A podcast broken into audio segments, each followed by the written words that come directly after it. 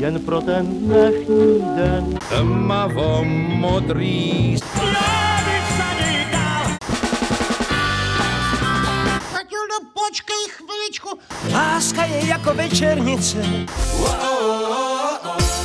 Vítejte u Suprafon podcastu. Tohle je Suprafon podcast, já se jmenuji Vojtěch Tkáč a naproti mě už sedí hudebník, rapper, producent a vycházející hvězda František Týl, a.k.a. Totally Nothing. Čau. Ahoj, ahoj, dík moc za pozvání. Já bych se chtěl na začátek uh, zeptat na něco, čím podle mě žádný rozhovor s tebou nezačíná, protože uh, častokrát se rovnou uh, upíná k emocím, který uh, zbuzuje tvoje hudba. Já bych to chtěl říct z druhé strany a zeptat se, co ti v životě dělá největší radost. Hudba. ne, 100% hudba. A kdybych to měl jako konkrétně, tak asi úplně takový ten feeling, když to stvoříš a můžeš se ztratit v takovémto momentu. Hmm. A nebo na show, no, když se můžeš úplně ztratit v tom momentu a vypustit vlastně všechno, jak kdyby na jednu vše, na ničem jiným nezáleželo. Takže asi to. Hmm, hmm. A holky. Holky. takže, takže v tvém životě často prší štěstí a chodíš s dešníkem po ulici. Jak jo, jo, jo. ono je to vtipný, protože tvá tvorba podle mě na první poslech neevokuje vyloženě, vyloženě jako ultra pozitivní emoce a, mm. a radost některým posluchačům. Nebo myslím radost z poslechu jo, ale ty mm. texty často o radosti nejsou. A ty vycházíš z hardkorové scény, hrál se v kapele My Hard Lesson. Je, je. Jakou lekci ti dala tahle komunita? Hele, takovou jakože pokoru asi hodně vůči, vůči jako celkově tomu být hudebník v podstatě a začíná to takový tý, jako, když to řeknu, takový ty píky, víš, že jako hmm tahá, od tahání věcí na koncerty a od toho, jak ta hudba vlastně vzniká úplně od, ne, že si jako na netu stáhneš být že do toho prostě vydáváš to a i celkově o té jako pokory vůči koncertům, víš, že na který chodí prostě deset lidí, ale stejně to tam dáš prostě tak, jako by to bylo pro tisíc. Hmm, hmm. Mně se vždycky na hardcore komunitě líbila ta semknutost a to, že se k sobě častokrát umělci a fanoušci chovají jako bráchové a segry jo, jo. a všichni jsou si hrozně na blízku. Máš pocit, že v trepu a v repu je to podobný? No, v hardcore je to hodně asi tím, že prostě ta komunita není tak velká hmm. a často ty lidi jako fakt jezdí za těma malýma koncertama jako fakt přes celou republiku a potkáš jako v podstatě furt ty samý lidi, tak možná proto jsou jako víc semknutý. V tom repu si nemyslím, že to takhle si jako s fanouškama a celkově jako s uh, interpretama je, že jsou prostě nějaký jako skupiny, skupiny lidí, kteří se jako navzájem podporují a jako hodně se znají a pak jsou jako lidi, kteří se absolutně nebaví a mají sobě úplnou jako zášť cítí. Hmm. Což je jako možná na jednu stranu i v hardcore v nějaký, nějaký jakoby části funguje taky, protože jsem zjistil, že jako že si občas ty kapely závidějí i ten jako mini úspěch tak jako trošku, že tak jako, protože všichni jedou na takových těch malých číslech najednou někdo má o něco trošku víc, tak si řeknu, ty vole, tak to není možný, jak to, že zrovna oni víc. Co? Mm, zároveň si chceš zachovat, dejme tomu, nějaký ty své hodnoty a jít mimo komerci, ale když se to jo. podaří někomu jinému dřív než tobě, O, o co tady ve finále jde, že jo? Jde prostě, chceš růst, že jo? Chceš expandovat prostě. Hmm. Rozhodně. Když jsme u toho porovnávání, my taky vždycky bavilo na, dejme tomu, punkových, hardkorových koncertech to, že vlastně jako mizí nějaká bariéra mezi publikem a hudebníkem. Častokrát yes. i v rámci pódia a jak je postavený mm-hmm. to venue, ten klub. Baví tě osobně koncerty, kdy, kdy jsi součástí toho publika, myslím tím, když neexistuje žádná hranice? Jo, jo, právě mě to baví úplně víc, jakože vyloženě, kde jsou kluby, kde vlastně jakoby třeba jenom schůdek a tam začíná ta stage a pouštět se na x tracků, jako přijít přímo do lidí a vlastně tam jako skákat s nima, dávat ty songy s nima, tak to je úplně úžasný. Jako to si myslím, že z toho hardcore taky mě pěkně přišlo, jakože a, a to je úplně to nejlepší prostě. Mm-hmm. Prožil jsi takový hudební candy flip vlastně. Jakoby jo, no. Je to, to je, dá se to tak říct. Nicméně chápu vlastně, odkud je ta inspirace nebo ta cesta, kterou mm. si ušel vlastně vychází. A samozřejmě napadá Ghost Maiden, Lil Peep, Suicide Boys. A yes, tak. yes, yes. Jsou tohle asi tvoje důležité inspirace, předpokládám. Jo, jo, Suicide Boys hodně, Bring Me The Horizon a podobně takhle. Já jsem hodně začínal to metalcore, což jako se dá vlastně podobně, jakože koncepčně je vlastně dost podobný tomu, co dělám. Mm-hmm. Takovým tomu emo takovým tomu emu, emu pohledu na věc. Hmm. Zaregistroval jsi třeba slovenský repery, který také vyšli z hardcore scény, mi napadá Fuck Cult, Edufsin a tahle komunita. Jo, jo, jo, a, a není to ani tak dávno, co jsem, co jsem jim přišel, přišel jako na chuť mm. nějakým trackům. Myslím, že skrz, no teď si nespomenu na jméno interpreta. No to nevadí, nějaký, nějaký, nějaký tracky jsem slyšel a to mi přišlo docela cool, to mi přišlo jako dobrý, hmm. takový dobrý, jakože dobrý spojení těch dvou, těch dvou žánrů jako. Jasně, to je docela rizí. Je, je to takový jako edgy pěkně a je to super. To je ono. Jak každopádně koukáš na ten opačný přechod, když vlastně reper, který se etabloval za roky, jako dejme tomu nějaká tvář eh, jednoho z odvětví hiphopu nebo repu, a teď se rozhodla vlastně vzít do ruky kytaru a mám na mysli hlavně třeba lidi jako Machine Gun Kelly. Mm-hmm. Přijde ti tohle taky rizí a edgy? Hej, ne, nevím, nevím zrovna jak u Machine Gun Kellyho, mm. tam už je to hodně tak jako o tom, o tom mainstreamu. Ale jako zase říkal jsem si, že když vyšlo nový MGK album, tak jsem si říkal, že MGK je víc Blink 182 než Blink 182, jako tak. To... Ale jako demu to funguje to, veď, tak jako nic asi proti, já si myslím, že ale je pravda, že jako když jsem se nedávno zamyslel nad tím, který byly jeho první velký jako tracky, kde začíná úplně na takovým tom gangsta rapu v podstatě mm-hmm. a mhm. přešel až úplně na ten pop-punk, tak jako je to zajímavý, je to zajímavý progres. Ale nemyslím si, že je to takový, jako že v rámci té alternativní to, jako jsme se bavili před chvílí, že tohle je spíš takový ten, že prostě chytil asi tu way teďkon jako dobře. Protože ten pop-punk začíná být docela populární zase, že se to zase všechno vrací jako furt dokola. A můžeš si představit, že se něco podobného stane i v Česku, tedy že yes. ať už repeři nebo kapely Určitě. z různých žánrů se uchýlí zpátky k pop punku. Stoprocentně, já jo. jsem o tom přesvědčený. Vlastně to je, nebo ne důvod, ale úplně to cítím na sobě, že já se už jsem z toho trepu ne, ne úplně unavený, ale úplně se mám chuť uchylovat zpátky k těm kapelovým věcem, hmm. protože prostě tam je ta přirozená energie o dost větší a je to takový víc jako takový živelný a No, asi tak, no. Hmm. Uh, co si obecně vlastně myslíš o trepových koncertech, ať už v zahraničí nebo v Česku? Protože mám pocit, že spousta reperů hodně, hodně spolehá na, na autotune a jo. třeba nějaký jako ten aspekt živého hraní tam není tak zřetelný. Myslíš si, že, že jsou to vlastně dobrý koncerty, když bys to nějak hodil na jednu hromadu? Uh, v zahraničí si určitě myslím, že je to jako z mýho pohledu dost jako, dost jako slabý, protože 90% zahraničních jako reperů prostě jede, jede full playback, který není skoro absolutně slyšet s publikem, tam jde prostě jenom o ten feeling, že vidějí toho, že vidějí to umělce live a že ten crowd jako jede bounce, jako má to svůj feel, jako já nevím, třeba koncerty Playboy Cardiho, tak prostě to je jako šílený, jako mošpy, tam jde asi jenom prostě vyloženě o to, že on tam, on tam podstatě ani nespívá, on jenom skříká do toho mikrofonu, dělá jenom tam řve prostě, ale ten crowd jako jede crazy tak možná tam jde prostě asi spíš o ten zážitek, zážitek z toho koncertu a z těch lidí, než by tam šel vyloženě o tu jeho performance. Mm. Pak jsou některý jako lidi, jakože třeba Tyler the Creator, mm. tak ten třeba má jako hezkou performance, i jako co se týče celkově té tý stylizace té stage, to, co tam přidělá, i jak jako repuje. Ale myslím, že z 90% je to takový, že prostě že tam ty lidi jen přišli se jako podívat na to interpreta, ne si jako moc užít ten, hm. že tu jeho live performance. V Čechách si myslím, že nevím jak u koho, no, jako já jsem teď to taky jako doteď, doteď jsem měl jako prostě full playback s tím, že jako většinou ho přeřvu, ale taky necítím, že je to úplně, že je to úplně správně, takže do budoucna do budoucna teda jako, co se týče autotune a efektů na voice, to prostě budu používat Jasně. nadále, ale dám tam prostě ten no playback, jakoby, že si ho dám třeba tak do iníru maximálně, hmm. abych jako, kdyby náhodou ses někde ztratil, tak abys prostě měl nějaký vodítko. Hmm. Tylera The Creator jsem viděl před pár lety v Londýně, to bylo absolutně úžasný. Teďka bych chtěl vidět Tylera Derna v Praze, možná někde naživo. tak to nevím, jestli bylo zrovna zážitek.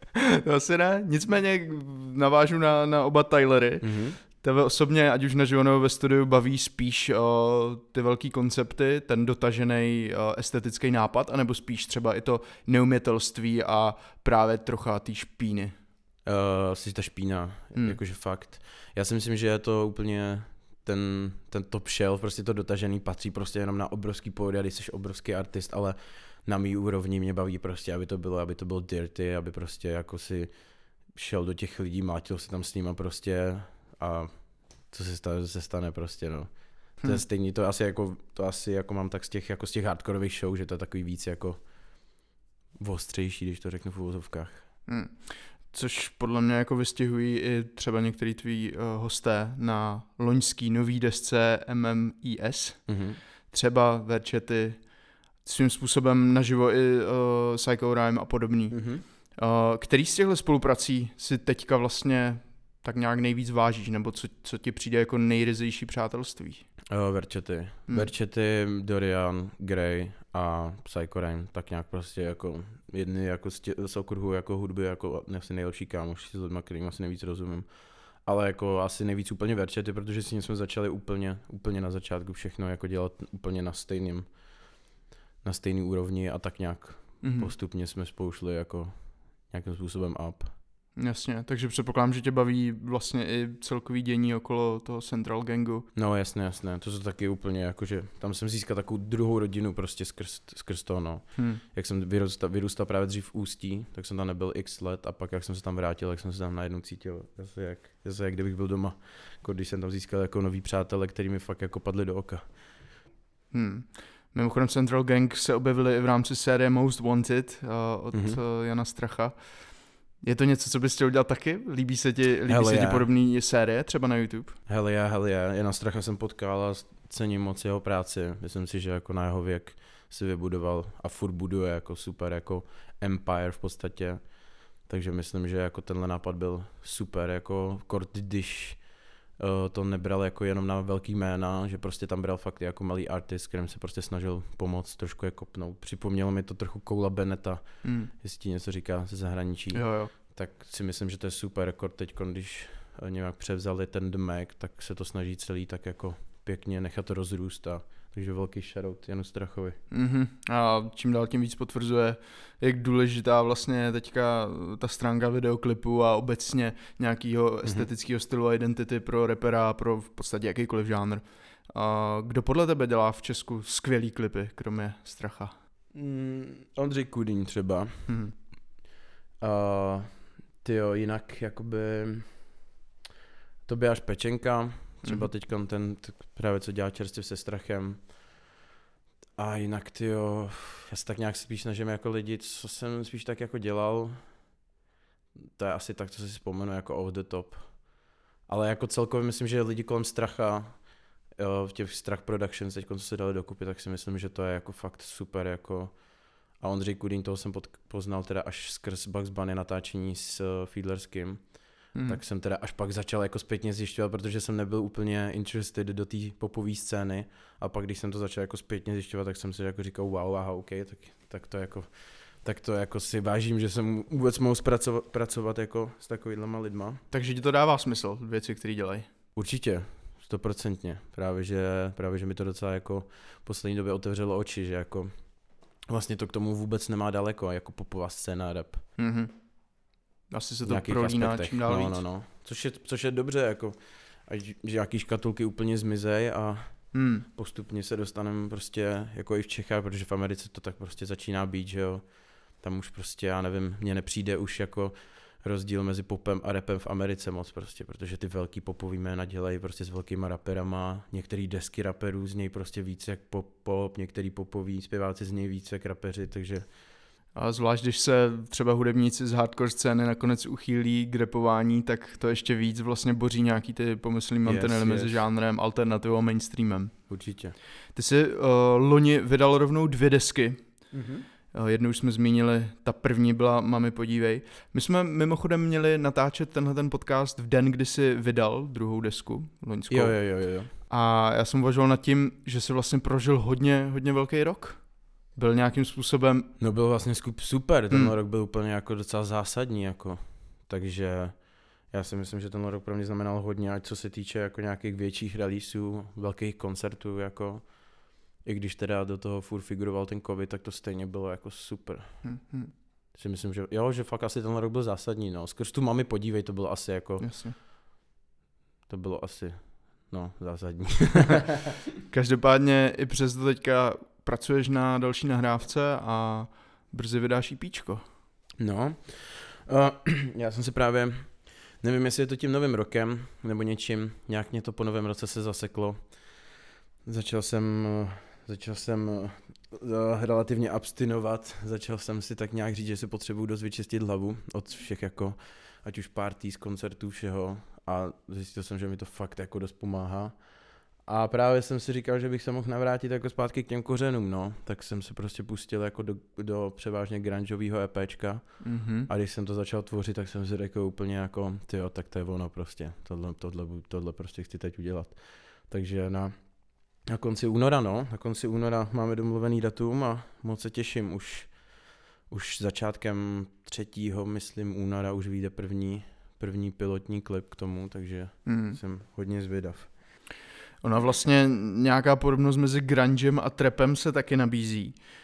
Uh, I mimo jiné se říkalo to, že Lil Peep je Kurtem Cobainem uh, téhle generace. Yes, uh, yes. Nahlížíš na něj takhle?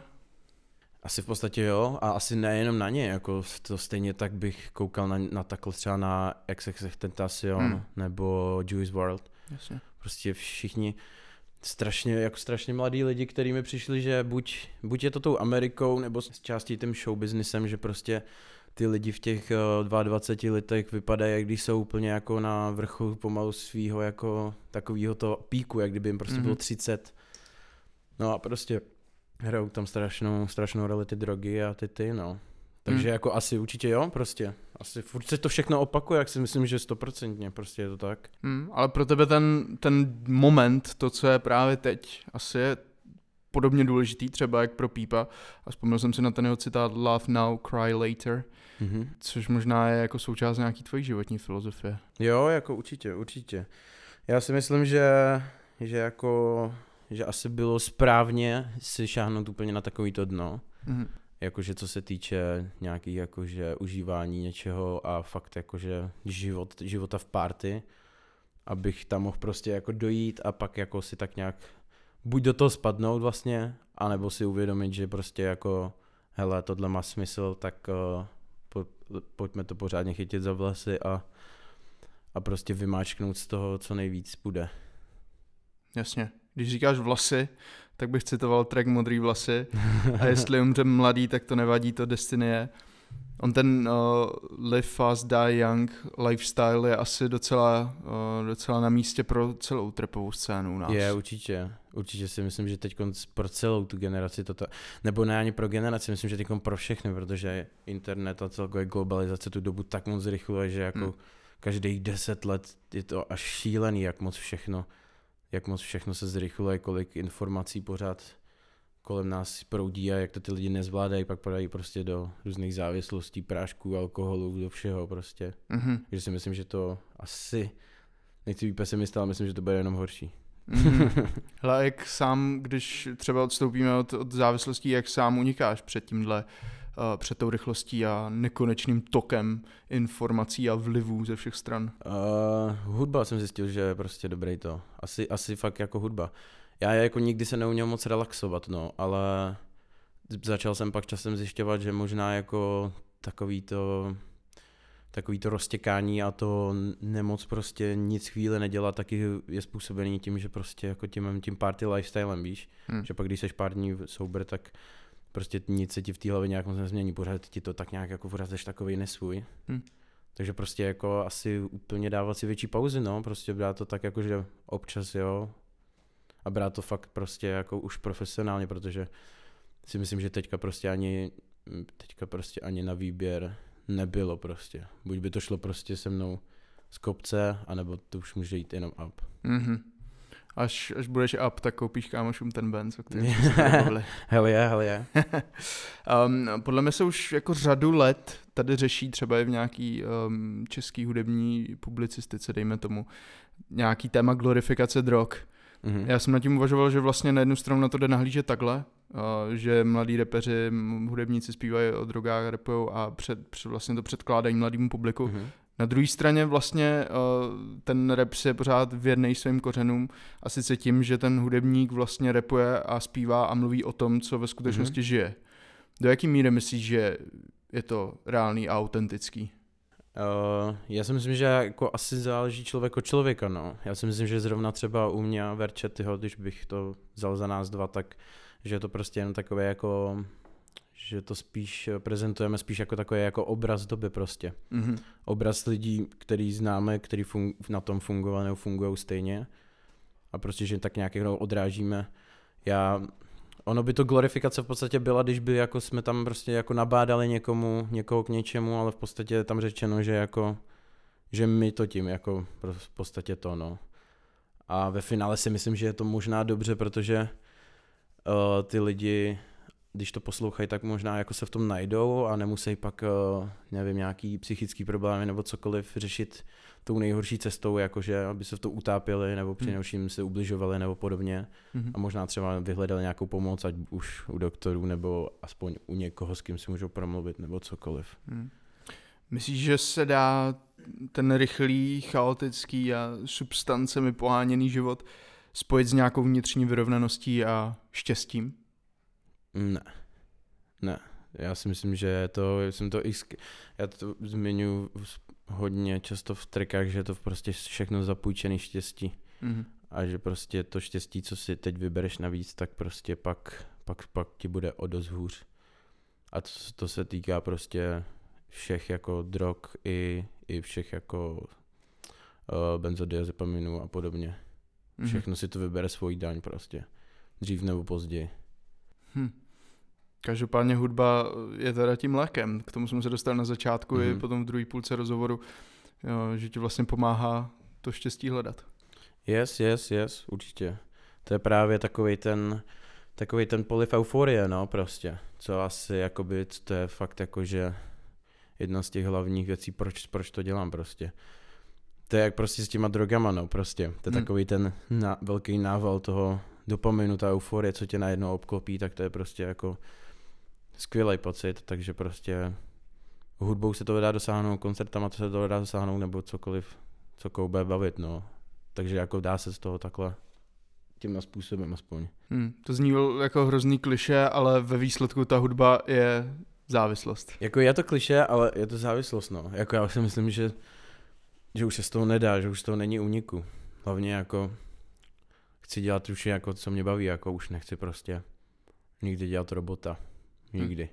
Takže prostě jako budu radši závislý takhle na hudbě a, a dělat si svoje. Já jsem zvědavý, jak se to promítne na nový grungeový EPčko a držím tě palce, ať jsi šťastný. Děkuju, děkuju. Hostem Suprafon podcastu byl Totally Nothing. Díky moc za pozvání.